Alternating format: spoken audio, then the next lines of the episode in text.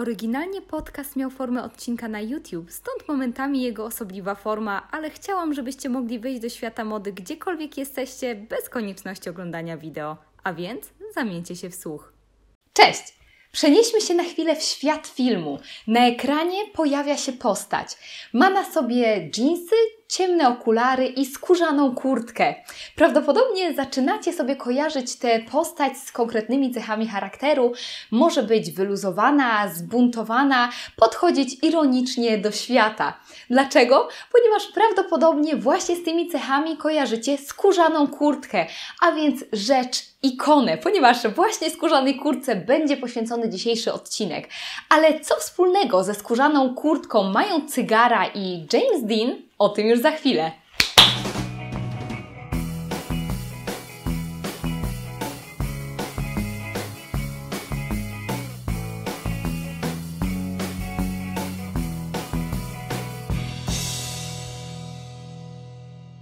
Za narodziny tej kultowej rzeczy możemy uznać początek XX wieku, a mianowicie okolice I wojny światowej. Skórzane kurtki i skórzane płaszcze pojawiły się po raz pierwszy w sferze militarnej, na przykład podczas rosyjskiej wojny domowej, ale przede wszystkim jeśli chodzi o wojska niemieckie właśnie podczas I wojny światowej, a konkretnie mówimy tutaj o niemieckich pilotach. Wówczas po raz pierwszy samoloty były wykorzystywane w celach bojowych, ale kokpity były nieosłonięte, więc możecie sobie tylko wyobrazić, jak trudne warunki czekały na pilotów i faktycznie potrzebowali bardzo porządnej odzieży wierzchniej. Kolejnym kamieniem milowym, jeśli chodzi o historię skórzanych kurtek, jest rok 1927, kiedy to na zlecenie US Army Air Corps powstała kurtka o nazwie A1. Kurtka miała być przeznaczona przede wszystkim dla pilotów bombowców, stąd też popularna nazwa bomber jacket, a więc po polsku po prostu bomberka. Kurtka była wykonana z brązowej skóry,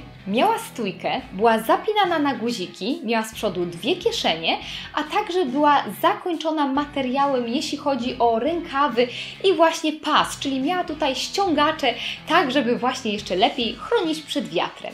Prawdziwy przełom, jeśli chodzi o skórzane kurtki, to rok 1928. W roku 1913 Irving Schott wraz ze swoim bratem założył firmę, która zajmowała się tworzeniem płaszczy przeciwdeszczowych i ledwie 15 lat później otrzymał on zlecenie od samego Harley'a Davidsona na zaprojektowanie kurtki motocyklowej. W wyniku tej współpracy, właśnie w roku 1928, powstał pierwszy na świecie biker jacket w takiej formie, jaką znamy teraz. Kosztował on wówczas około 5 dolarów, a więc po obecnym kursie byłoby to około 70 dolarów i jakie były charakterystyczne i przełomowe elementy tej ponadczasowej motocyklowej kurtki. Po pierwsze, podwójny materiał na piersi, czyli miał on lepiej chronić przed wiatrem i stanowić nieco lepszą ochronę dla ciała. Po drugie, pasek którym można było tę kurtkę nieco ciaśniej spiąć w pasie, tak żeby nie przemieszczała się podczas jazdy na motocyklu i znowu, żeby nie przepuszczała wiatru od spodu. Po trzecie, pojawił się zamek błyskawiczny. Wówczas większość kurtek zapinana była na guziki i Shot nawet wspomina, że jego kurtka była pierwszą, w której użyto właśnie zamek błyskawiczny. Czwarty, bardzo charakterystyczny element to zapięcie na boku, ponieważ Shot stwierdził, że będzie to nieco bardziej praktyczne właśnie podczas jazdy na motocyklu, ponieważ jeśli ktoś się pochyla, wiatr nie będzie dostawał się z przodu, a z boku już nie ma takiej siły wtłoczenia właśnie pod kurtkę. Stąd też stwierdził, że dobrym pomysłem będzie umieszczenie tego suwaka właśnie z boku. Jak nazywał się więc pierwszy biker jacket? Perfekto. Oprócz tego, że Shot był niezwykle dumny ze swojego dzieła, była to również ulubiona marka palonych przez Irvinga cygar. Narodziny kurtki motocyklowej przyniosły również zmiany, jeśli chodzi o bomberkę, ponieważ powstał wówczas model A2, model właśnie powstał po roku 1928 i guziki zostały zastąpione zamkami. Druga wojna światowa przyniosła kolejny model skórzanej kurtki, tym razem model B3, który był przeznaczony dla pilotów bombowców B-17 i B-24. Podczas II wojny światowej kabiny pilotów stały się już zamknięte, ale wciąż nie było tam kompresji, więc piloci wciąż cholernie marzli. To maczał palce w zaprojektowaniu nowego modelu kurtki oczywiście Irving Schott.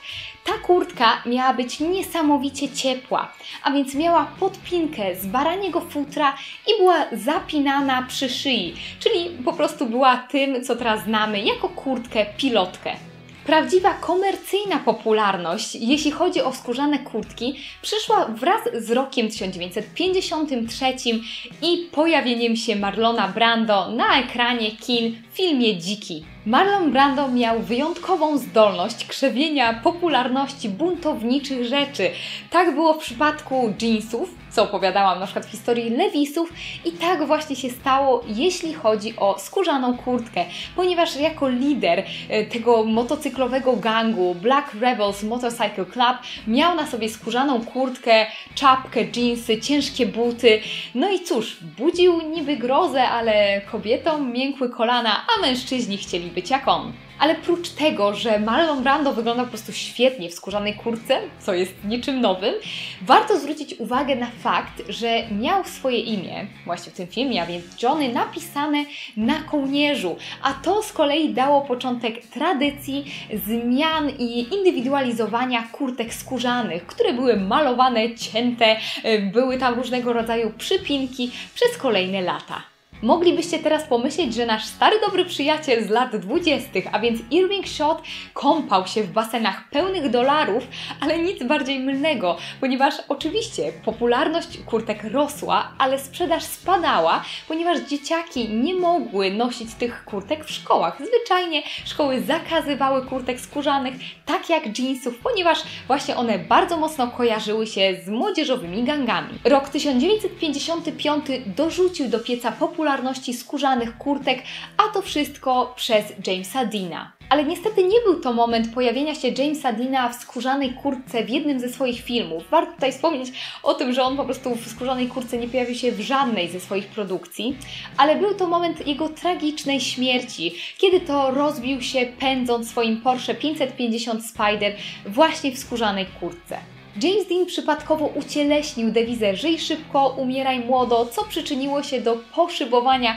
popularności skórzanych kurtek wśród buntowników. Od tamtego momentu skórzane kurtki wałęsały się nieco bliżej, nieco dalej mainstreamowej mody, ale w roku 1960 przez bardzo zdolnego i młodego projektanta to wszystko się nieco zmieniło. I właśnie wtedy, w roku 1960, Yves Saint Laurent w swojej kolekcji pokazał po raz pierwszy na wybiegu skórzaną kurtkę. Skórzana kurtka była inspirowana bitnikami, była wykonana ze skóry aligatora i wykończona futrem.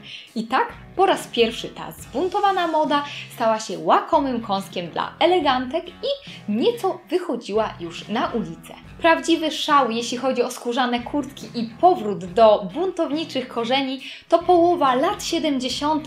i wzrost popularności ruchu punkowego. nowego. Niemal każdy szanujący się rokowy wykonawca miał na sobie skórzaną kurtkę, a więc właśnie skórzane kurtki zaczęły być bezpośrednio kojarzone z rokowym stylem. Wystarczy tylko wspomnieć Blondie, Patti Smith, Joan Jett, Sex Pistols czy na przykład Ramones.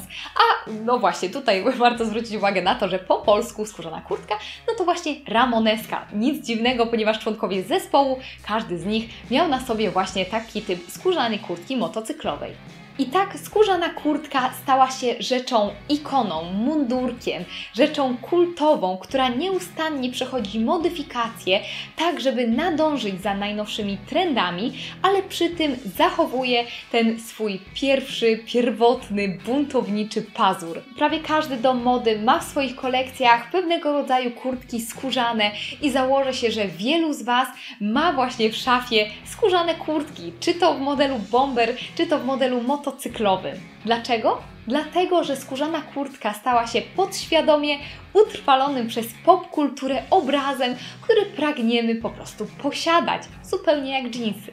Słowem, mundurek nonkonformistów został nieco ulizany, ale wciąż pokazuje rogi. To tyle jeśli chodzi o ten odcinek Freakery. Jestem tradycyjnie bardzo ciekawa, czy posiadacie w swojej szafie skórzane kurtki? Który model jest Waszym ulubionym? Co sądzicie o historii, którą miałam okazję Wam przybliżyć? Koniecznie dajcie mi znać w sekcji komentarzy na dole. Każdy komentarz czytam, na każdy staram się odpowiadać i wychodzi mi to całkiem nieźle.